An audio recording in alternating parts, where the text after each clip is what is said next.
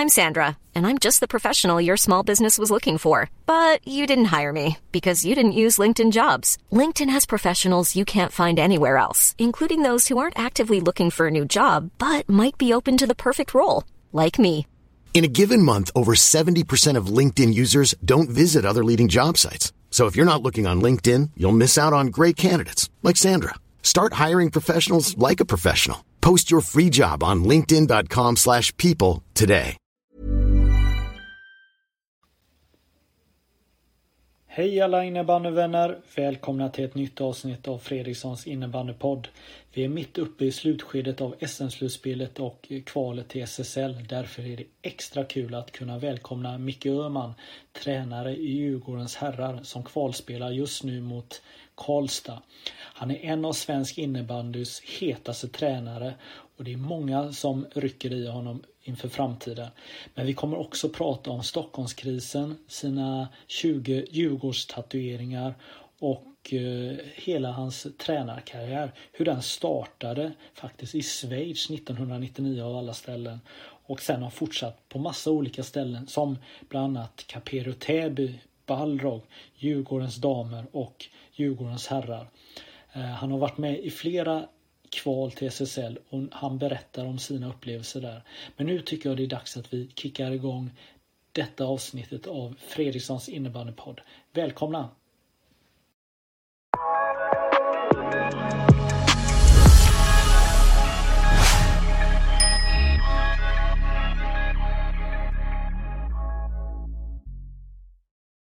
Välkommen eh, Mikael Öhman till eh, min eh, innebandypodd. Hur är läget?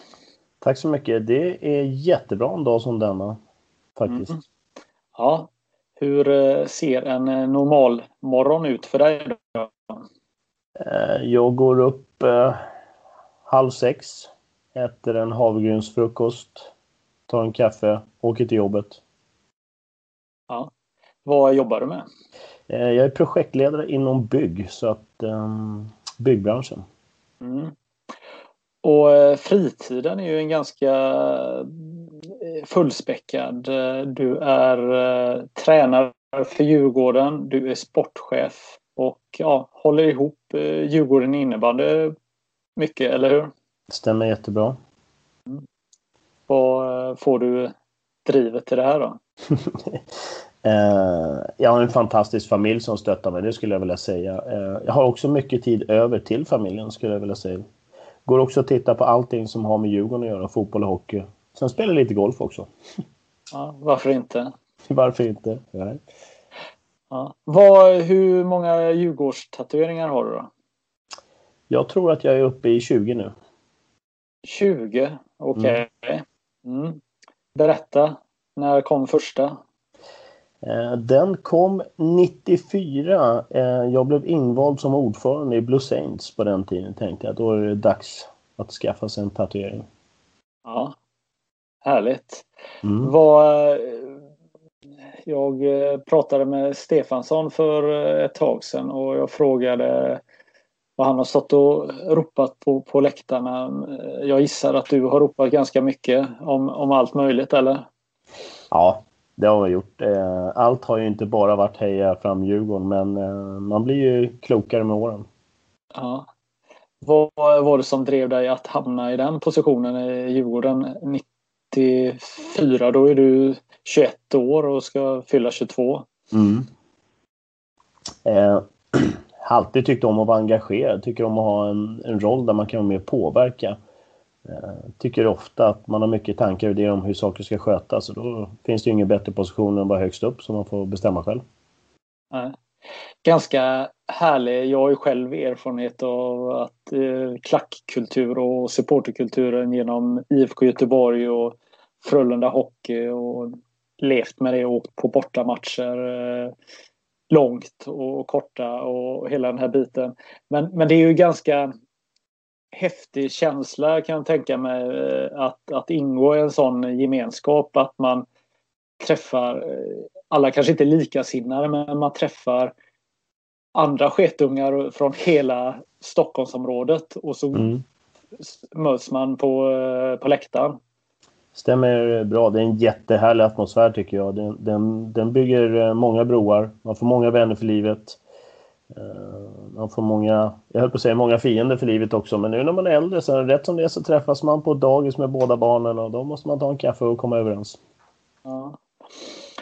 Det var lite roligt här för ett tag sedan så, så hade vi en artikel eh, på dig och då behövde vi bilder på dig och det finns ju en Djurgårdsfotograf som tar bilder och man behöver ha godkännande att få använda hans bilder och då tittade jag på en liten gammal mail eh, samtal mellan redaktionen och han och han hade varit förgrymmad att eh, en av hans bilder hade använts som var på en aik eh, vid något tillfälle. Och det är ganska typiskt det här med hur det är när man är engagerad eldsjäl i en, i en uh, förening. Man, man, kan absolut bjuda på tusen bilder med, med, med Djurgården men fan använd inte någon, någon aik Nej. Nej. Nej, så är det lite. Det, det, är, är man uppväxt så äh, mot en annan klubb med stor rivalitet då är det väldigt mycket känslor och då bjuds det inte på någonting faktiskt. Att... Kan du eh, förklara vad, ni har i Stockholm? Eh, jag menar, jag bor i Göteborg och där har vi också eh, klassiska klubbar och det finns en tuff jargong emellanåt. Men ni i Stockholm, det ligger på någon helt annan nivå. Vad, vad tror du det beror på de här det som är mellan Djurgården, AIK och Hammarby? Ja, det är nästan åt det religiösa hållet skulle jag vilja säga. Man blir ju inpräntad som man är liten att vi som är djurgårdare, vi är lite finare, lite bättre och, och, och allt det andra har vi ingenting med att göra. Och, Eh, Hammarbyarna har ju sin, sitt sätt att se på det. De, de tror ju varje år att de det här året ska de vinna guld. Eh, och, eh, det är ju fantastiskt hur man kan ha en sån tro. Hur, hur den etsat sig fast liksom i, i din uppväxt. aik tycker alltid att de är störst, bäst och vackrast. Ehm, fast de inte har flest medaljer och så vice versa. Så att man, man lever upp i en tro och den backar man upp till döden. Ehm, så att eh, all respekt åt alla alla, alla som håller på med det här och det man tror på. För det, det skapar en otroligt häftig miljö. Går man på stan eh, en söndag med familjen så får man ju tänka på hur man klär sig för att det är ju kanske, kanske helt plötsligt en, en AIK-match på platsen där. Då behöver man ju inte komma in med en Djurgårdshalsduk kanske helt plötsligt. Nej. Det blir lite stelt vid matbordet. Ja. Vad, hur må, många gulsvarta klädesplagg eh, äger du exempelvis? Eh, jag äger inte ett enda och ingen annan i min familj heller. Nej. Men har det hänt någon gång att eh, någon i familjen har köpt en eh, schysst gul tröja och Nej, det, det skulle inte hända. Har svarta jeans eller något sånt där? Min äldsta dotter är 21 år idag eh, och när hon växte upp så fick hon av eh, grannen ett par rollerblades, ett par gula med svarta ränder. Eh, och då sa jag att sådana har vi inte i den här familjen. Så att, eh, tyvärr vart hon lite ledsen men det betyder bara att jag fick gå och köpa ett par blåa istället. Så att, eh, ja, det kostar ju också men eh, nej, det skulle definitivt inte ske. Ja, vad härligt. Du, eh, jag tänker så här att vi ska Eh, prata om din innebandykarriär och vi tar väl den eh, lite från början då. Eh, du, eh, du började som alla andra med att spela innebandy. Mm. Jag tänker att vi, att vi inte egentligen ska fokusera så mycket på just den biten. Du, du spelade i Västerhaninge va? Ja, det är den klubben som, som, som har varit Eh, det är den högsta nivån jag spelar på. Jag, jag började på Rågseds fritidsgård eh, och ja, det var inte så mycket och vi, vi var bara glada själar liksom. Västerhaninge var motsvarighet i allsvenskan idag. Vi mötte ju Storvreta de här lagen på den tiden. Eh, ja. Men, ja. men, jag var inte, var inte någon av stjärnspelarna riktigt ska jag säga. Nej, och din eh, innebandykarriär tog fart när du eh, åkte till Schweiz och eh, hade en plan att du på något sätt skulle kunna spela innebandy där va? Ja, det stämmer. En av mina bästa vänner var, hade varit i Schweiz redan ett år som spelare. På den tiden fick man ju bara ha en utländsk spelare per match. Eh, så jag fick möjligheten att komma ner och vara med i samma klubb som ja, spelare nummer två då, kan man säga eh, i utländska kvoten. Men passa på att träna laget. Eh, det tyckte jag lät som en rolig utmaning. Tycker jag om innebandy så jag åkte ner. Min kompis blev ju aldrig sjuk eller skadad så att jag fick aldrig prova på att spela i Schweiz. Kanske var lika bra det. Så jag blev tränare fullt ut då istället. Mm.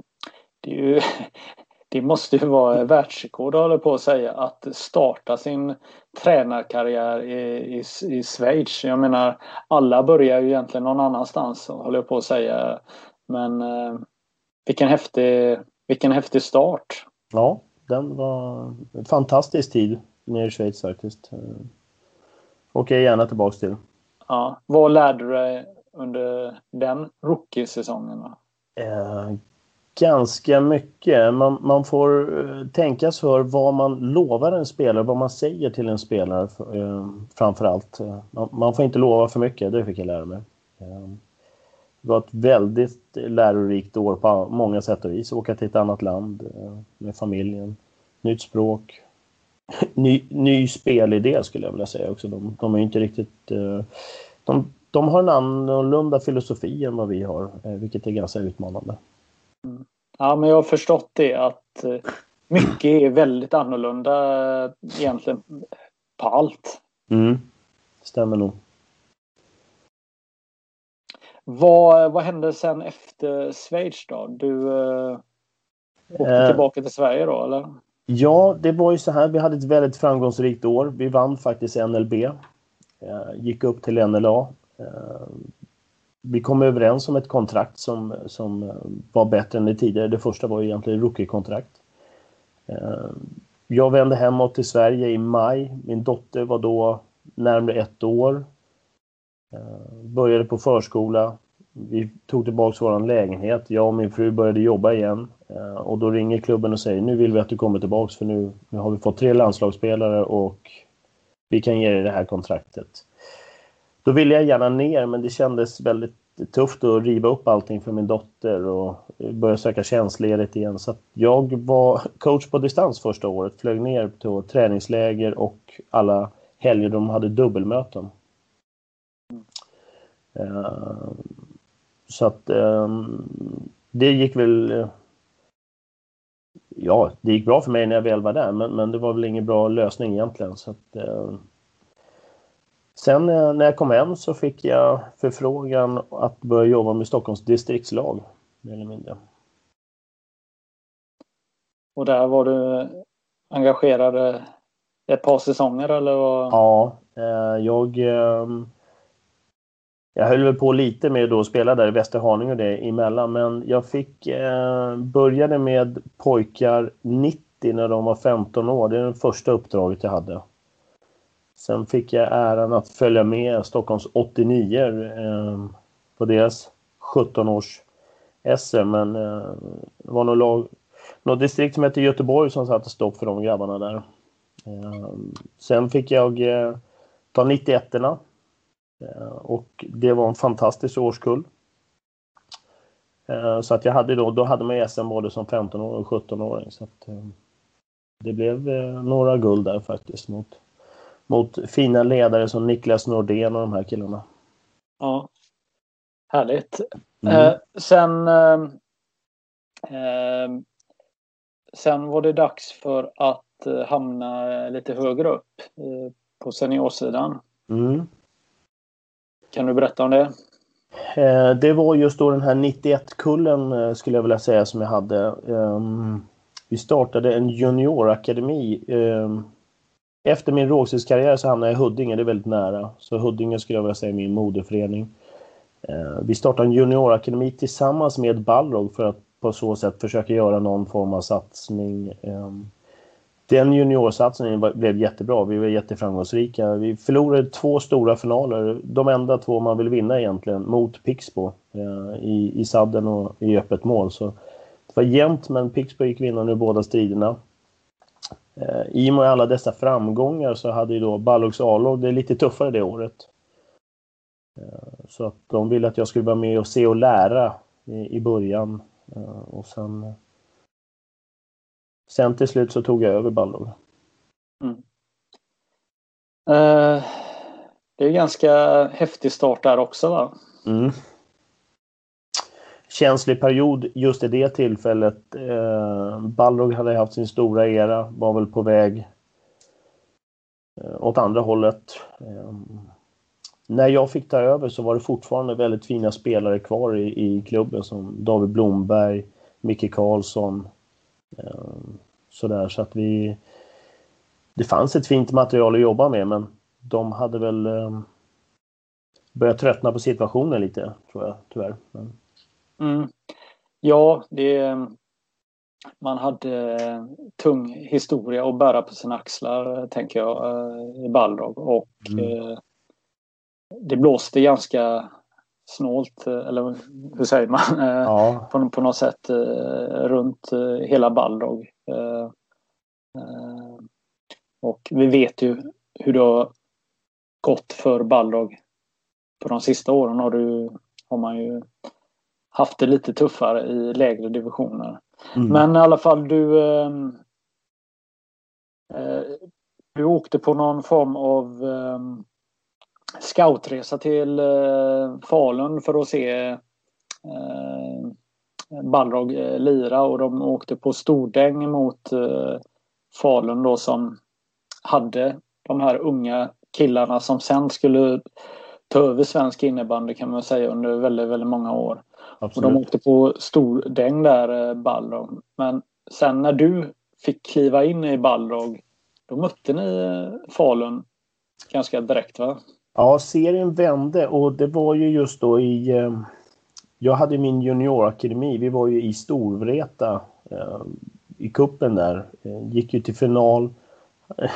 Lite ont om tid så att jag fick ju släppa turneringen och åka till Botkyrkahallen Ehm, vi möter Falun då retur. Jag hade precis fått tagit över, har gjort två träningar med A-laget. Ehm, fick en ganska bra nytändning i gruppen. Man låg ju nästan sist vill jag minnas. Ehm, och eh, vi vinner min debutmatch i Balrog med 10-0 faktiskt. Eller debutmatch i SSL också med 10-0 för att förlora med 11-4 två dagar innan. Eller några dagar innan. Så att det, det, det var väl en ganska skön start på den SSL karriären.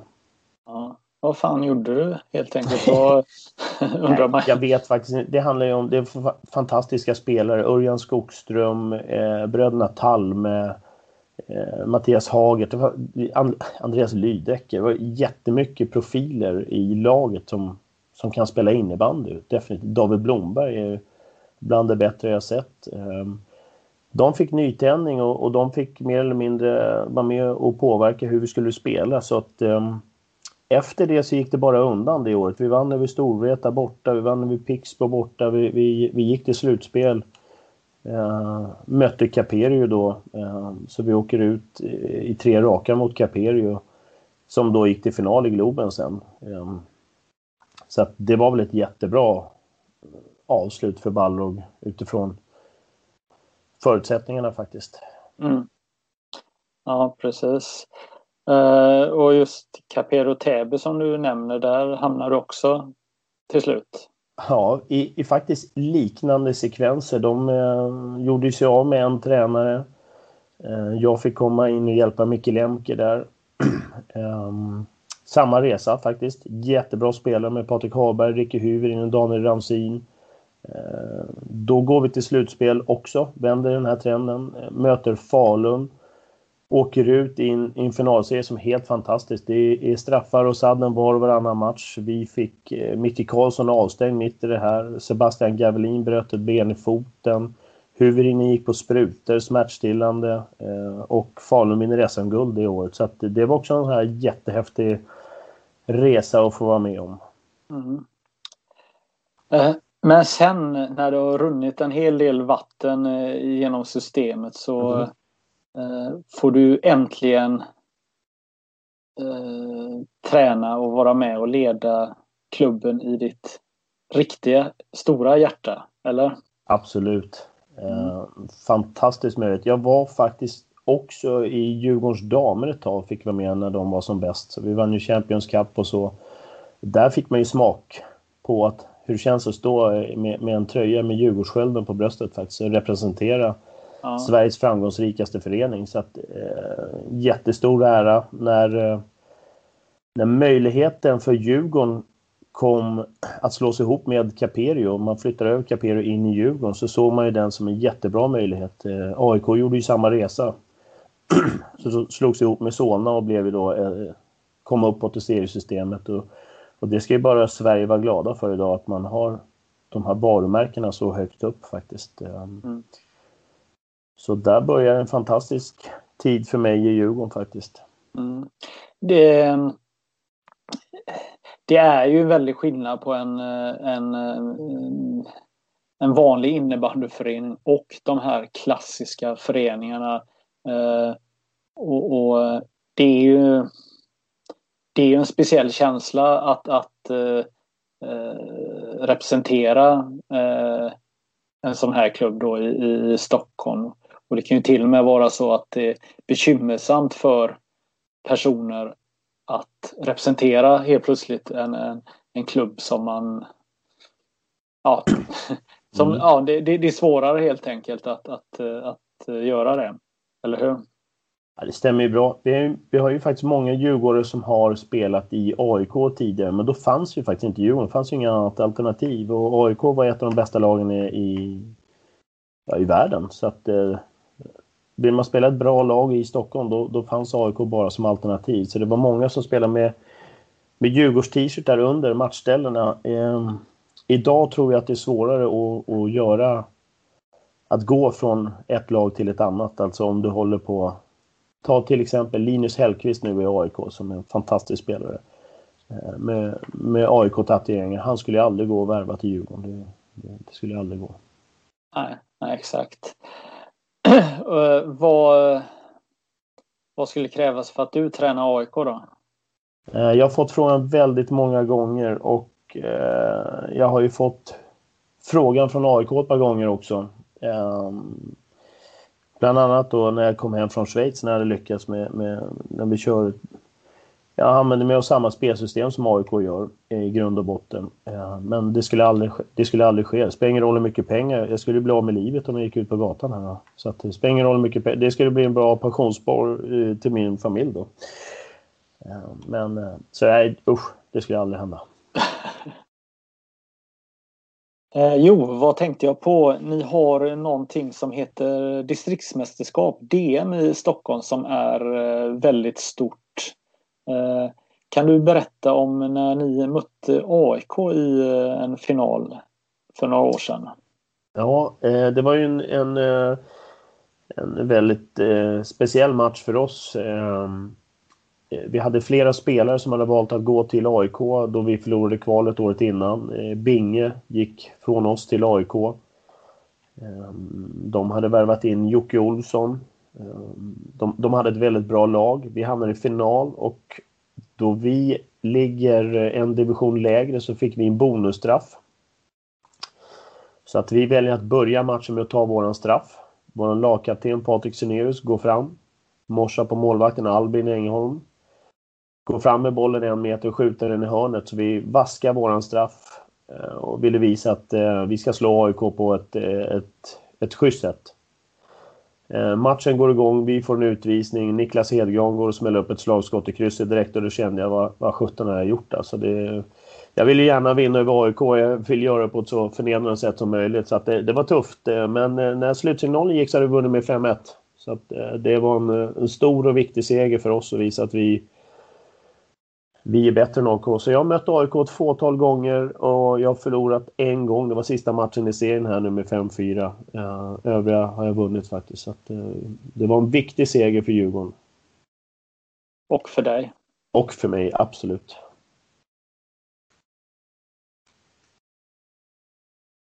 En eh, tillbakablick på innebandyhistorien var ju då att även Caperio Täby som hade nått SM-finaler och eh, tagit eh, SSL med storm. Eh, det var dags för dem också att åka ur hastigt och lustigt. Och i den processen när man åkte ur så blev man Djurgården innebandy och du fick möjligheten då att vara med i det här ledarteamet som skulle leda Djurgården i Allsvenskan. Kan du berätta om det? Um, vi hade ju eh, uh, tänkt att nu måste vi ju slå på stort här och få Djurgården att bli uh, en toppklubb i Stockholm och utmana AIK uh, ehm, som, som låg ganska bra i förarsätet tycker jag. Um, vi, eh, vi var ute efter Binge då. Jag hade haft huvudansvaret tidigare. vi var ute efter Binge. Vi hade glädjen att få honom till Djurgården. Han var ju huvudansvarig men väldigt bra kille att jobba med så att jag, jag som assisterande stortrivdes för att jag fick väldigt stort utrymme.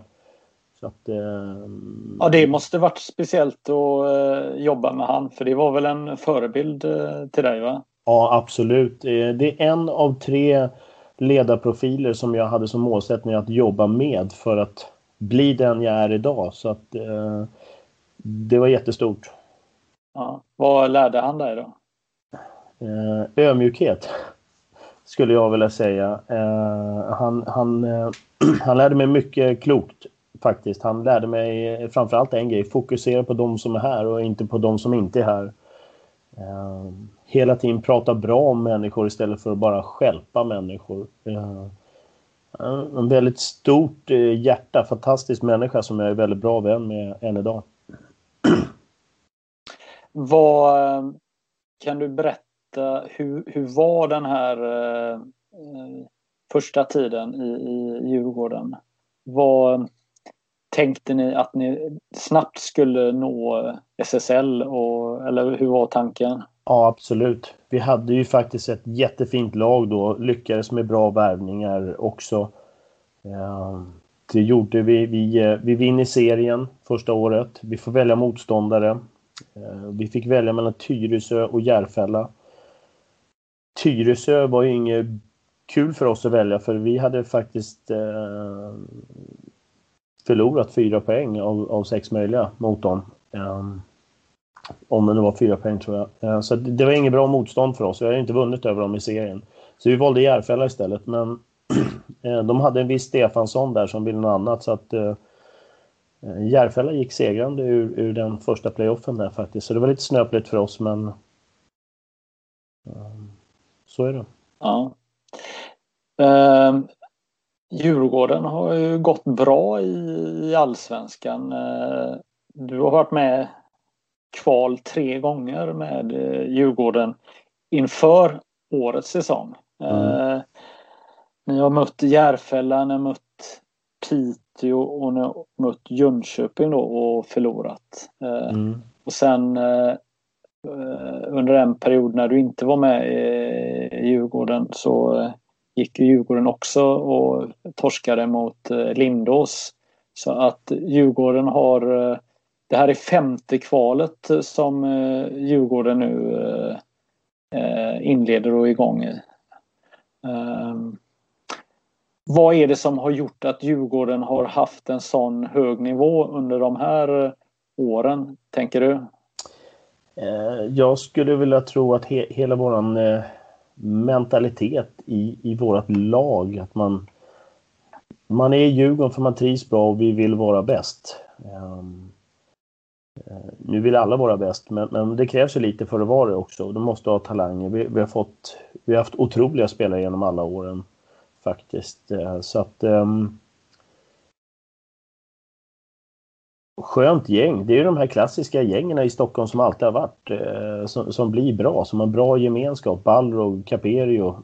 Nu har ju de i och för sig varit på en högre nivå än, än vad Djurgården är. Men, men, jag skulle nog säga att vi är lite där. Och det har väl mycket med den här eh, Binge-filosofin också. Man, man, måste ha en del knickedickor i laget som kan göra en del tokiga grejer för, för att få det att komma långt. Har man 20 svärmorsdrömmar så blir man ju tyvärr aldrig mästare. Att, och då måste det finnas en ledare som kan ta hand om dem. Och, och det var väl också en grej som Binge lärde mig. Ja. Men att ni eh, i år är i eh, kval, det är ju... Ska man säga att det är sensationellt eller vad?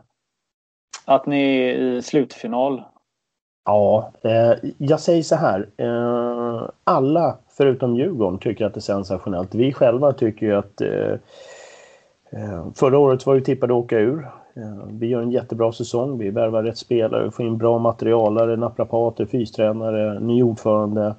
Eh, vi, vi vinner DM. Eh, vi går in i den här säsongen eh, med helt andra förutsättningar egentligen. Vi, vi, killarna börjar träna ordentligt och vi har eh, lagt på träningsdosen. Eh, laget beter sig mer som ett elitlag skulle jag vilja säga. Så att vi eh, hade som målsättning, vi, vi sätter alltid upp mål varje år och när vi lyckas nå det målet äter vi en tårta. Så vi hade fyra mål i år, vi, hade, vi skulle säkra kontraktet.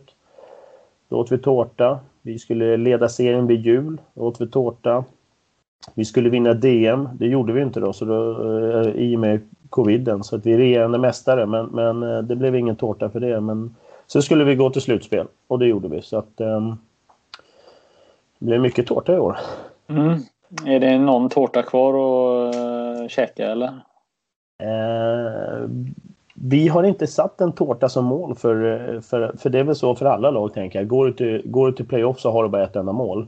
Mm. Eh, så det målet behöver man nog inte sätta. Det är ganska glasklart tänker jag vad man siktar på när man är där. Och nu, nu har vi kommit halvvägs i varje fall. Så mm. Du har tidigare berättat om, eh, om egentligen mardrömmen att bedriva elitverksamhet i, i Stockholm. Eller innebandyverksamhet överhuvudtaget. Mm. Kan du berätta lite om, om situationen för er? Vi, vi är ju det enda laget i Stockholm Stockholm på elitnivå och då menar jag den inre kärnan. Så vi har en enda arrangemangshall innanför tullarna i Stockholm och det är Eriksdalshallen. Eh, där konkurrerar vi med Hammarby Futsal som nu är svenska mästare. Eh, de vann ju även VM för klubblag här för något år sedan. Eh, Hammarby Handboll som nu gick upp i högsta serien igen. Eh, och så vi då, så att vi konkurrerar om samma hall. Eh, samma tider. Eh, Tv-produktionsbolagen ska in.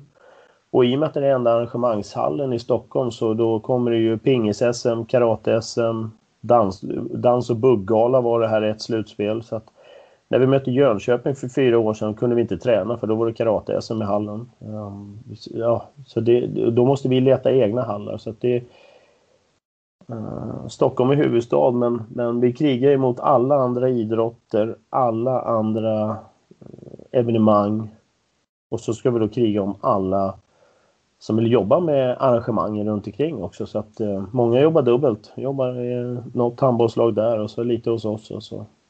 Mm. Eh, det skulle vara lite lättare en liten eh, håla någonstans ute i landet där det bara fanns en aktivitet som jag skulle stötta.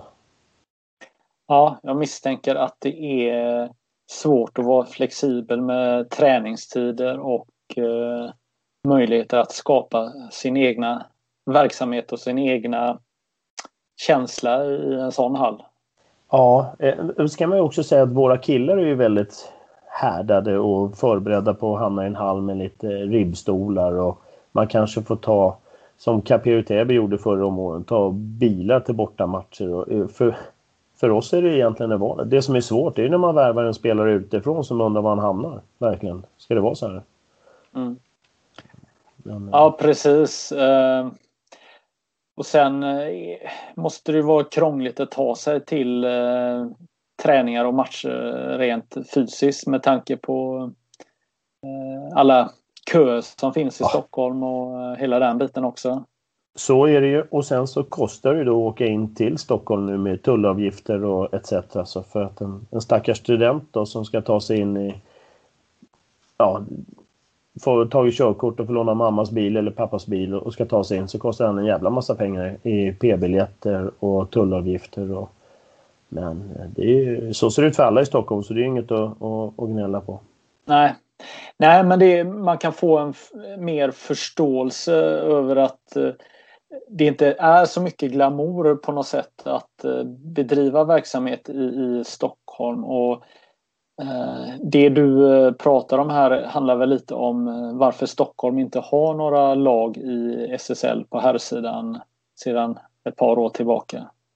Jag skulle tro det. Jag tror ju AIK har det ganska bra i sin Solnahall men de har även konkurrens från basket och så. Ehm, men, men de tillhör ju Solna kommun. Vi tillhör Stockholms kommun. Sen har du Tullinge, våran serie, de, de tillhör Botkyrka kommun men har lånat en hall i Huddinge kommun. Salem är Botkyrka kommun. Täby, Täby kommun. Så att det, eh, och vi har Eriksdalshallen här i Stockholm. Mm. Men någonstans så finns det ju möjlighet att forma ett, eh, ett skickligt lag eh, som spelar innebandy. Utmaningen är mm. för Djurgården och många andra Stockholmslag är ju att skapa en organisation som eh, håller måttet för att satsa mot toppen, att spela i högsta serien, spela i allsvenskan, spela i SSL. Absolut. Hur... Eh, jag vet ju att, eh, att Djurgården har eh, många utmaningar på sin eh, resa att nå hela vägen där. Mm. Eller hur? Det skulle jag nog säga. Eh, och då är det skönt att sitta i min position här. Då, då hänvisar jag ju till, till min ordförande och min styrelse om de där frågorna. Min roll i Djurgården är, är ju sportchef och, och headcoach och där tycker jag att på de, de områdena har vi lyckats ganska bra. Så att om, om eh, jag lyckas ta Djurgården upp till finrummet så, så får ju föreningen ta över. Och, men det är väl klart att det är utmaningar och föreningen sitter väl och, och planerar i stora drag nu. Det är, skulle det vara så att man lyckas ta klivet upp, det, är jättehäftigt, men det, det räcker inte med att det är häftigt, det räcker med att det måste in jättemycket resurser och runt omkring. Så att, eh, mm. jag tror att de jobbar för, för fullt nu. Ja. Men det här är väl vad hela innebandy-Sverige väntar på och jag tänker framförallt Stockholmsinnebandyn väntar ju på att någon ska lyckas. Eh, mm. Och då borde ju många sluta upp bakom det här på något sätt. Det, det, det, det, hoppas man ju verkligen och det är möjligt att det blir så. Nu är det ju då också tufft när vi har Djurgården och AIK för det är inte så många i AIKs organisation som kommer dra på sig Djurgårdströjan tror jag och tycka att det är kul med SSL. Eh, men eh, hade vi haft en dröm, ett drömscenario så hade AIK lyckats i, i, mot Hagunda. Det fanns ju en chans ett tag att vi kunde få två lag. Nu kanske vi inte ens får någon, men, men det hoppas vi. Mm. Ja. Stockholm Var... behöver verkligen ett lag, oavsett vilken klubb det blir. Ja, exakt. Jo, men det, det, det säger sig själv. Vi kan ju inte hålla på och kladda med eh, Eh, SSL att, eh, att Sveriges huvudstad inte finns med. Det, det, det håller ju inte enligt mig. Eh, jag menar 25-30 procent av alla innebandyspelare finns i Stockholmsområdet och ja, det är förödande för svensk innebandy att vi inte har lag från Stockholm i högsta serien. Tyvärr så är ju, är ju Stockholm på väg åt det hållet och det är väl då Eh, högre makter än bara vi sports, sportsliga. Det, det, är väl hur, hur man ter sig i, i de människorna som bestämmer faktiskt. För att vi har ett enda lag i hockeyn. Eh, vi har ju tre i fotbollen. Eh, basketen är ju, är ju svajigt. Handbollen gick ju Hammarby upp nu. Det finns ju alldeles för stora upptagningsområden men vi har ju inte våra politiker satsar inte på idrotten i Stockholm tyvärr och det, det är ju resultatet skulle jag vilja säga. Mm. Faktiskt. Det, det, är inte, det är inte... Produkter finns det definitivt. Men, men att politikerna väljer att satsa på annat, det är ju det som gör att Stockholm inte har någon, någon verksamhet att skryta med i många idrotter. Jag vill säga. Mm. Men eh, nu kanske det sitter lite innebandybönder runt om i Sverige och tycker att eh, man bara sitter och lipar här i Stockholm eller vad det nu är. Mm. Eh. Det gör vi ju inte. Vi, vi är uppväxta i, i, en hård betongmiljö så att det här är ju vardag för oss. Så vi gnäller inte, vi bara säger att förutsättningarna är annorlunda. Men vi, vi önskar att vi också kunde ha en egen hall eller mer träningstider eller mm. åtminstone få köra alla träningar i samma hall. Ja, just det. Vad, nu hoppar jag lite här. Jag pratade här om eh, veckan med Daniel Dahlbjer och eh, du hade väl en skön eh, historia med honom va? Ni, eh... Ja, Ni fiskade eh, in honom i, i, systemet en gång va? Ja, absolut. Eh, Binge är ju en häftig profil som gillar att det händer grejer i klubben och, och det var ju ett år när han säger fan, ska vi inte ringa Dahlbjer här och få lite action i klubben? Ehm, och vi tog ner han faktiskt. Han kom och tränade med oss. Han åkte från Falun. Vi hittade en häftig lösning. Ehm, då säger Binge så här till mig. Du Öman, eh, är du med på det här nu liksom? Och tar vi in han så kommer det hända grejer. Jag, jag tänker mig ett matchscenario. Han hänger några i krysset så får han matchstraff. Är du med på det liksom? Eh, kan vi offra det? Ja men vad fan, det är ju en profil. Alltså vi behöver det här. Och Exakt så blev matchbilden. Danne gör två stycken rätt upp i krysset och sen får han matchstraff.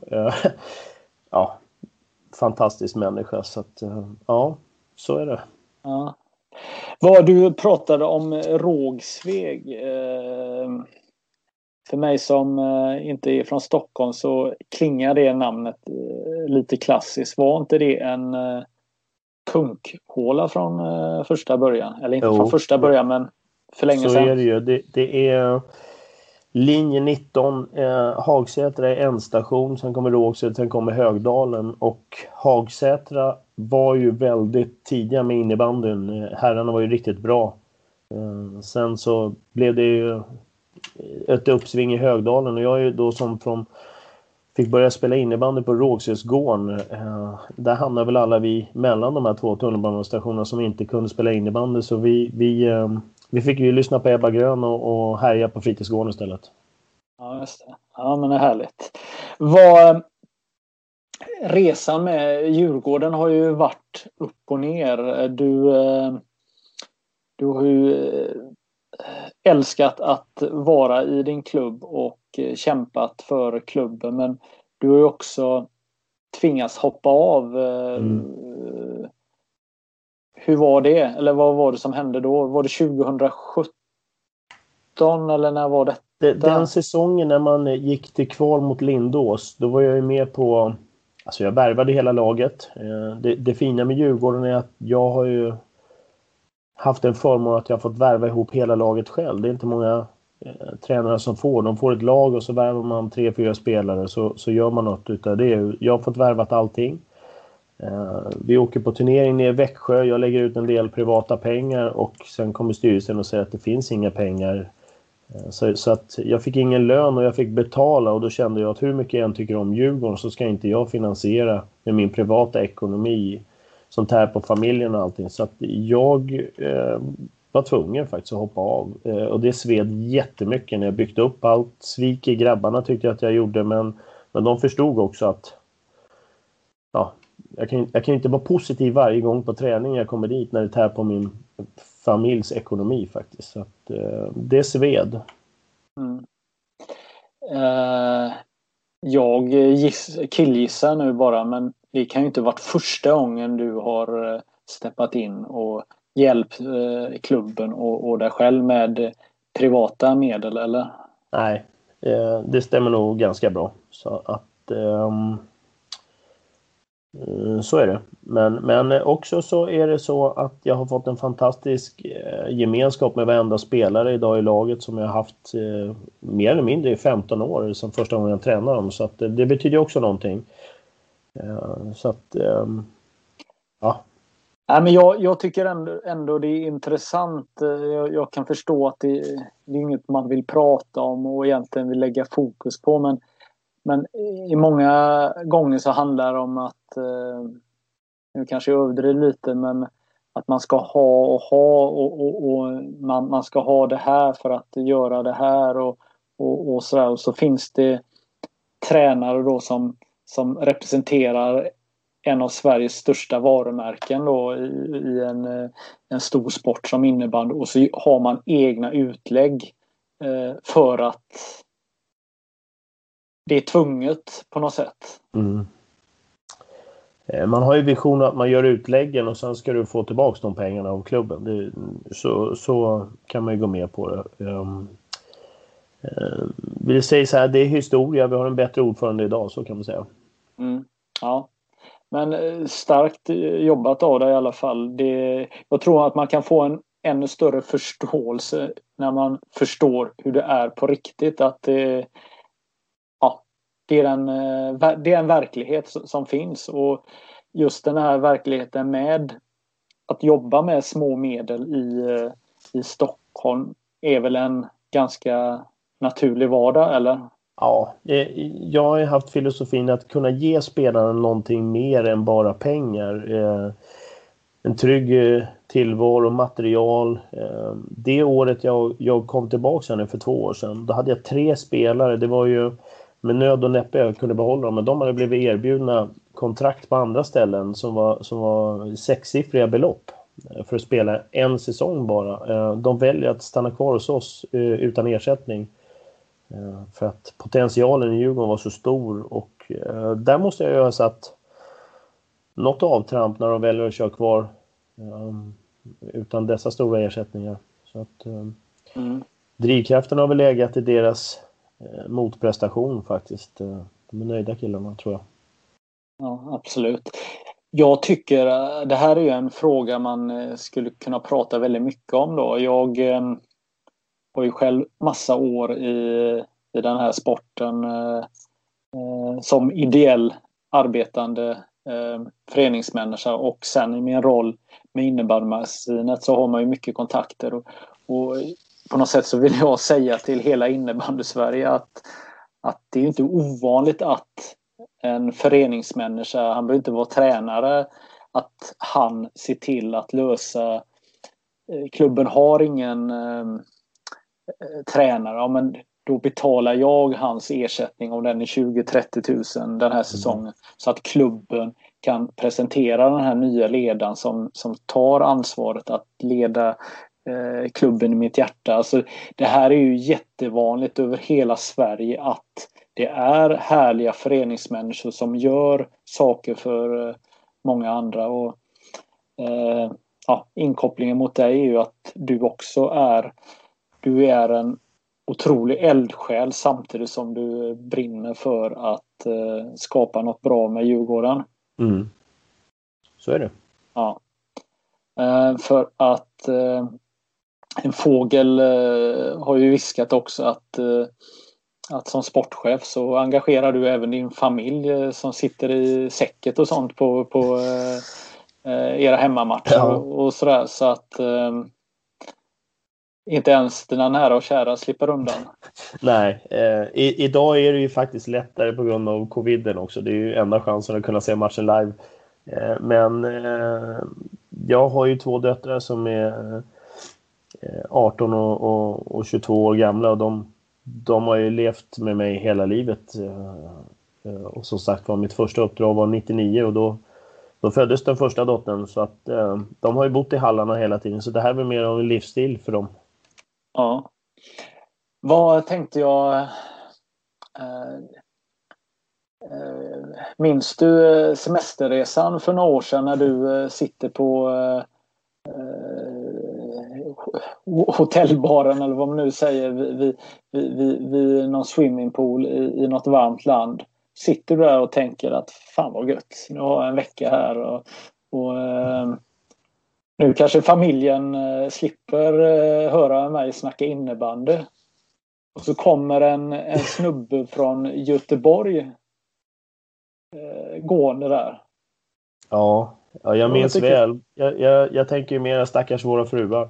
Ja. Eh, vi hade det bra ju. Ja, precis. Ja, det, det vart så att vi, eh, vi hamnade på samma hotell. Vad var, var det i Turkiet? Turkiet. Ja. Turkiet var det. Marmaris ja. kanske var. Ja, just det. Ja, ja visst. Nej, så där umgicks vi en vecka, våra två mm. familjer. Det var ju helt eh, magiskt. Ja, vad mysigt. Ja, vi hittade goda restauranger på Tvärgatan rätter och sånt där. Ja. Pris, priserna var äh, jävligt bra och äh, ja, det, man saknar äh, det faktiskt. Turkiet var, det var bra Turkiet. Jättebra. Det är svårt med sånt där nu med ja, innebandy på elitnivå och ja, vi får inte resa någonstans. Och det, ja. Nej, precis. Lika för alla. Ja, precis.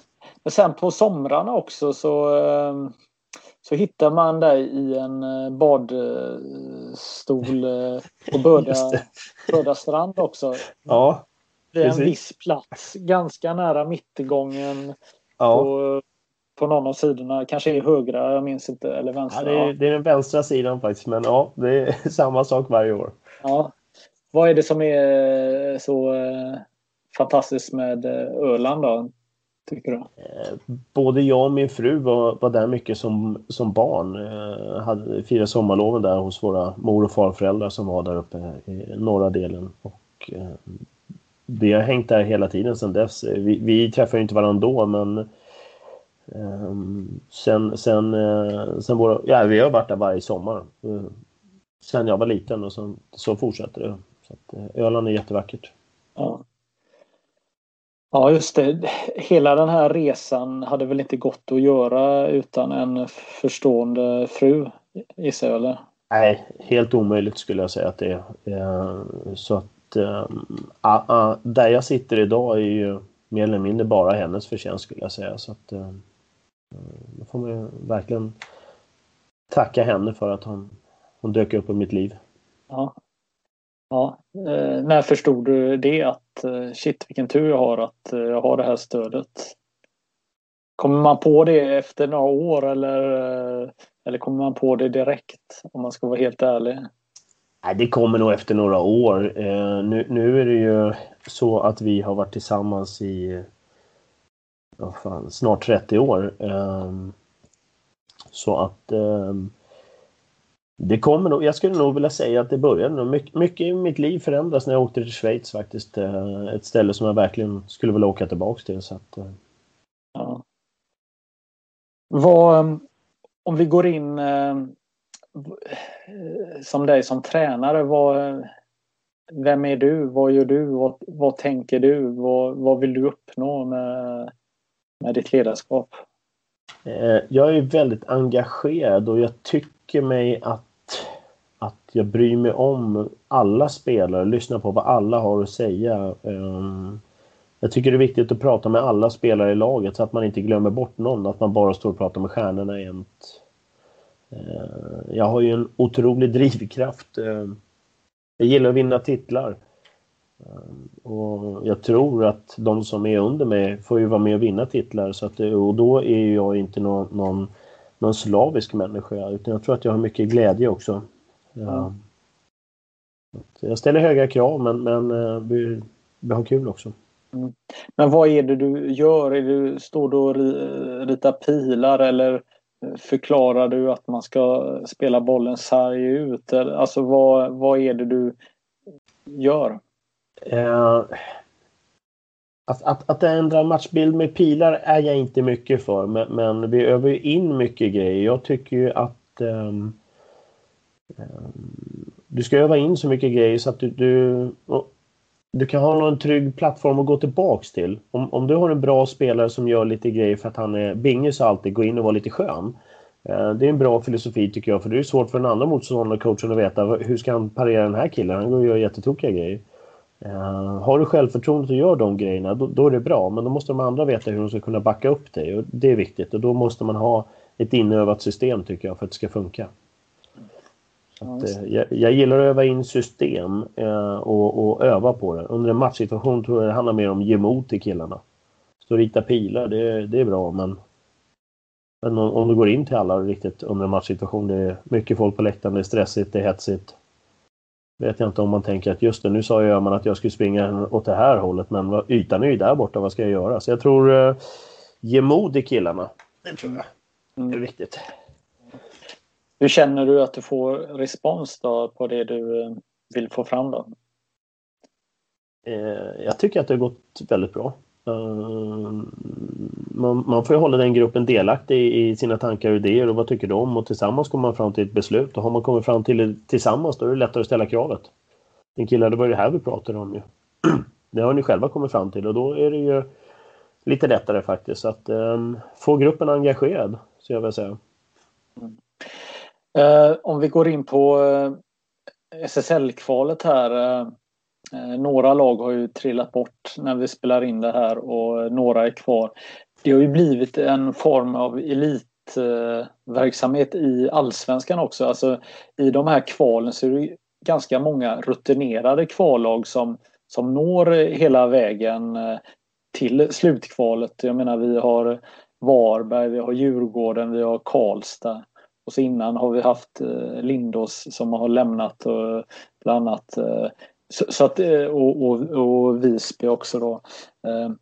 Det är en ganska tuff tufft kval.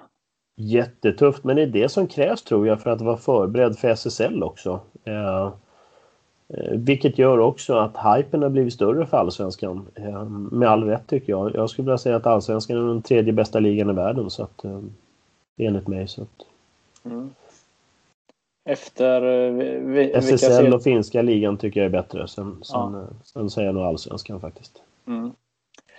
Hur Eh, krävs det erfarenhet, tänker du, att, att spela kval? Det är ju, I innebandyns värld så blir det ju rätt märkligt både för SSL-slutspelet och eh, kvalspelet blir ju så mycket intensivare än serielunken som är ja. i, i snitt en match per vecka och helt plötsligt när det är kval så är det ett rullande schema nästan med matcher varannan dag håller jag på att säga. Mm. Eh, krävs erfarenhet vet jag inte men det är väldigt bra. Någon gång är första gången för alla. Eh, och eh, vissa idrottar, eh, idrottsutövare får aldrig uppleva ett slutspel. Eh, Medan vissa har det som en livsstil. Eh, tar du våra, våra svenska landslagsstjärnor, de, de de kanske går på halvfart eh, i, i serielunket och, och gör bara en till två poäng per match. Um, och sen är det slutspel så blixtrar de till. Och vi kan väl säga så här, det var väl en av anledningarna till att inte vi ville möta Hagunda. Uh, för att de har ju sådana killar som Holst och de här som... Där snackar rutin. Han har ju gått i serielunket där och, och mer eller mindre ställt av sina matcher. Och, och, och, när han går in i kvalet här så öser han in poäng. Ehm, Ja, alla de där killarna vaknar ju upp. Även mina. Så att, eh, det, det är ju klart som sjutton att det är viktigt med rutin och just nu är de lagen som är kvar i allsvenskan här, det, det är mycket rutin. Mm. Ja precis. Eh, när du sitter här och pratar så drömmer man ju tillbaka när man själv, jag tror jag själv har spelat i två eller tre SSL-kval. Eh, det är ju en fantastisk bubbla man eh, går in i och man har någonting att se fram emot. Man vet att sköter vi våra kort rätt så går vi till det här kvalet och mm. då kommer det bli innebandy nästan dygnet runt här i några veckor och det är en fantastisk bubbla att befinna sig i. Ja, det är det. Eh, det är väl arbetsgivarna som inte tycker att den är lika rolig då, men... Exakt. Nej, men det... Vad, jag menar som eh, nu eh, möts ni och Karlstad då i, i, i ett avgörande då i bäst av fem matcher. Mm. Ni, ni, har ju faktiskt, båda lagen har ett par rävar som, som älskar de här situationerna. Hur tänker du kring det? Fantastiskt. Alltså det är ju...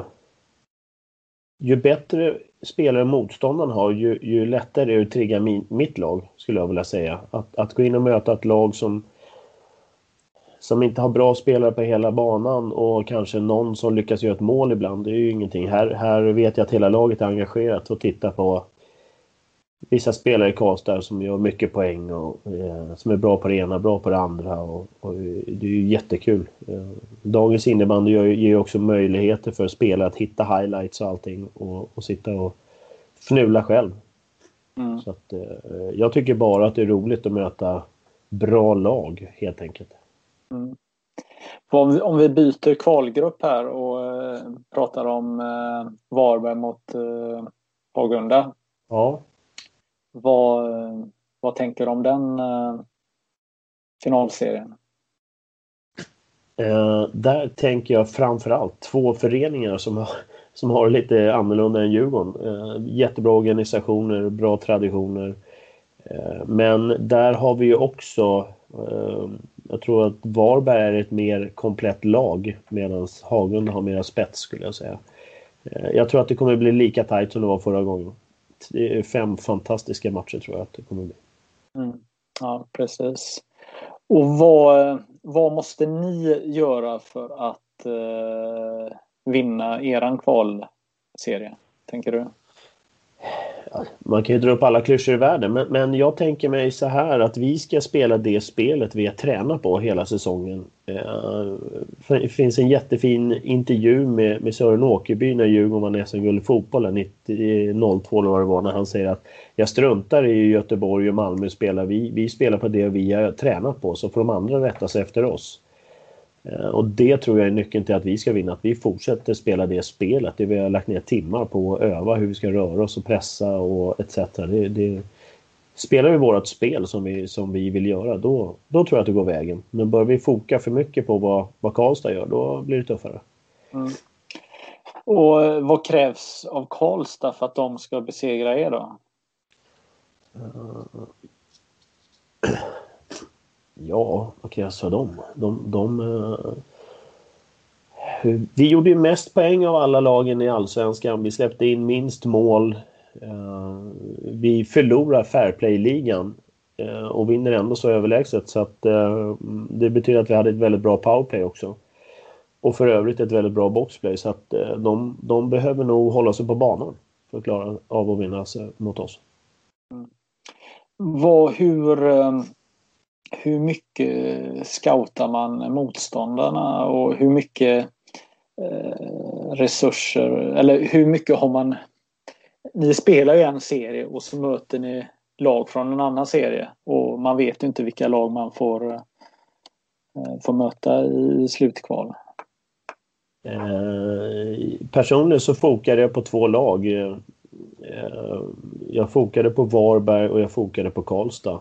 Eh, och sen så har jag sett många matcher där de har mött eventuella andra motståndare, Lindås och, och så. Ehm, så jag har sett en del matcher, det har jag gjort. Ehm, sen vet jag inte vad det innebär. Jag tycker att jag har jättebra koll på Visby och, och det var med nöd och näppe vi vann så att eh, jag tror slutspel är helt annorlunda. vinner man ena matchen då kommer det mot, eh, förloraren ändra på allt. Och då är det inte det laget man har scoutat i, i den sista månaden utan den, den coachen som hänger med och är mer up to date och ser vad som händer mot båset, den tror jag kommer gå segraren ur det här. Mm.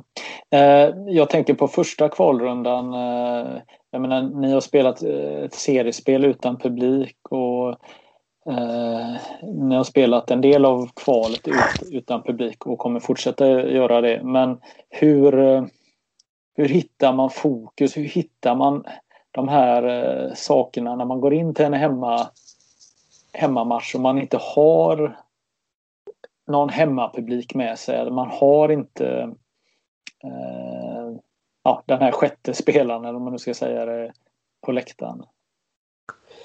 Eh, ja, för oss, för oss i Djurgården är det lätt. Vi, vi är inte kända för att ha vunnit publikligan riktigt. Så att, eh, men jag tror också att i och med att vi har det som vi har det i Stockholm, med att vi får byta hall helt plötsligt eller vi kanske inte får någon träning alls. Så, så vi, vi är inte så utsatta för förändringar. Eh, vi är med, eh, det är så det funkar, så att vi kör bara liksom.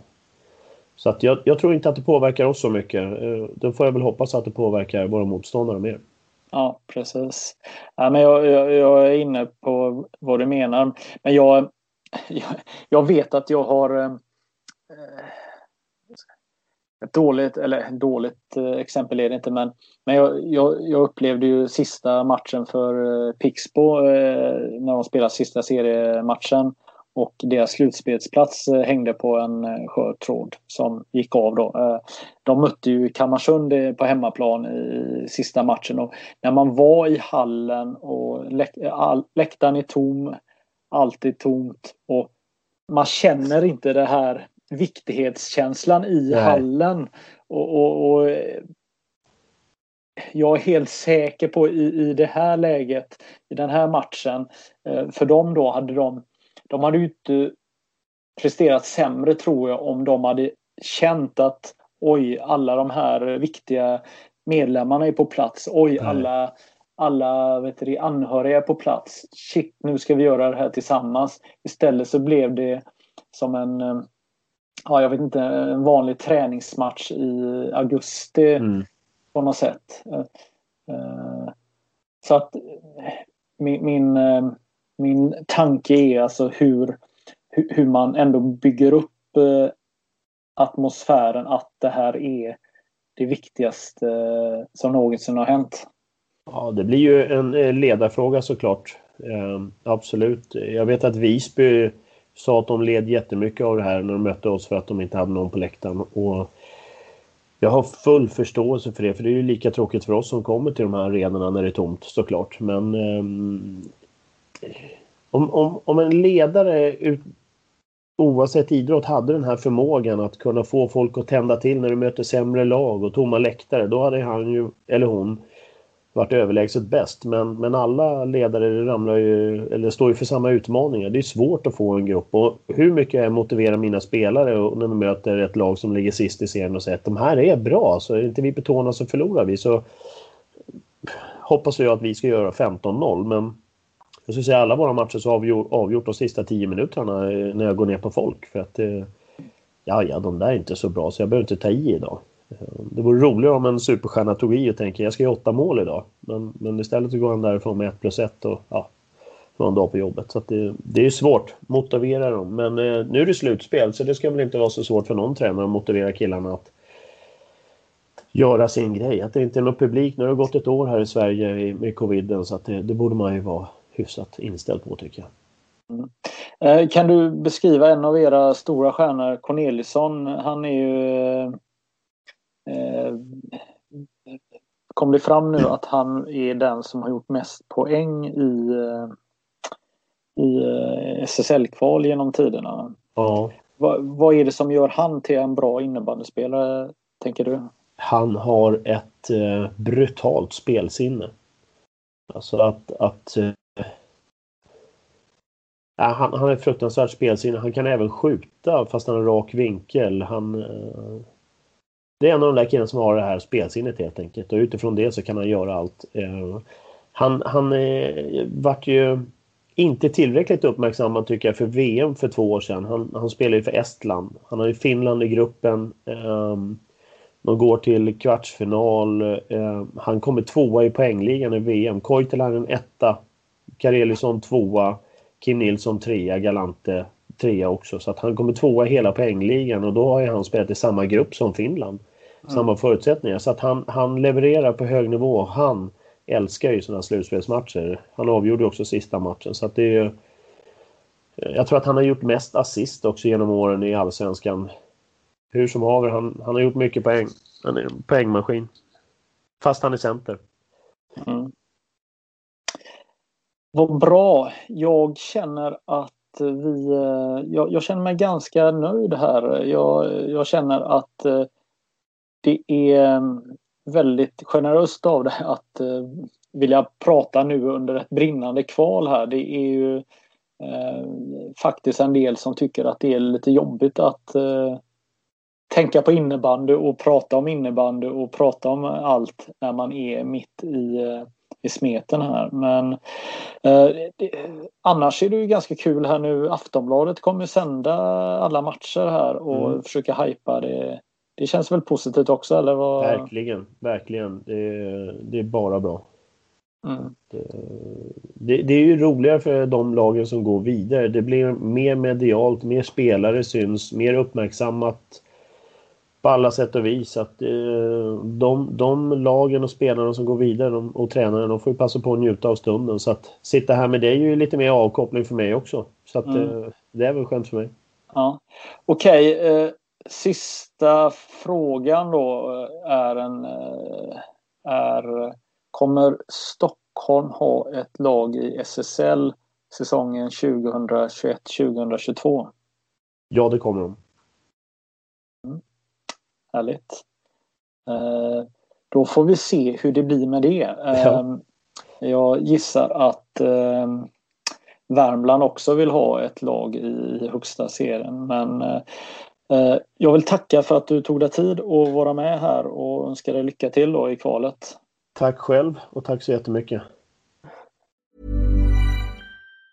Planning for your next trip? Elevate your travel style with Quince. Quince has all the jet setting essentials you'll want for your next getaway, like European linen, premium luggage options, buttery soft Italian leather bags, and so much more. And it's all priced at 50 to 80% less than similar brands. Plus, Quince only works with factories that use safe and ethical manufacturing practices. Pack your bags with high-quality essentials you'll be wearing for vacations to come with Quince. Go to quince.com slash trip for free shipping and 365-day returns.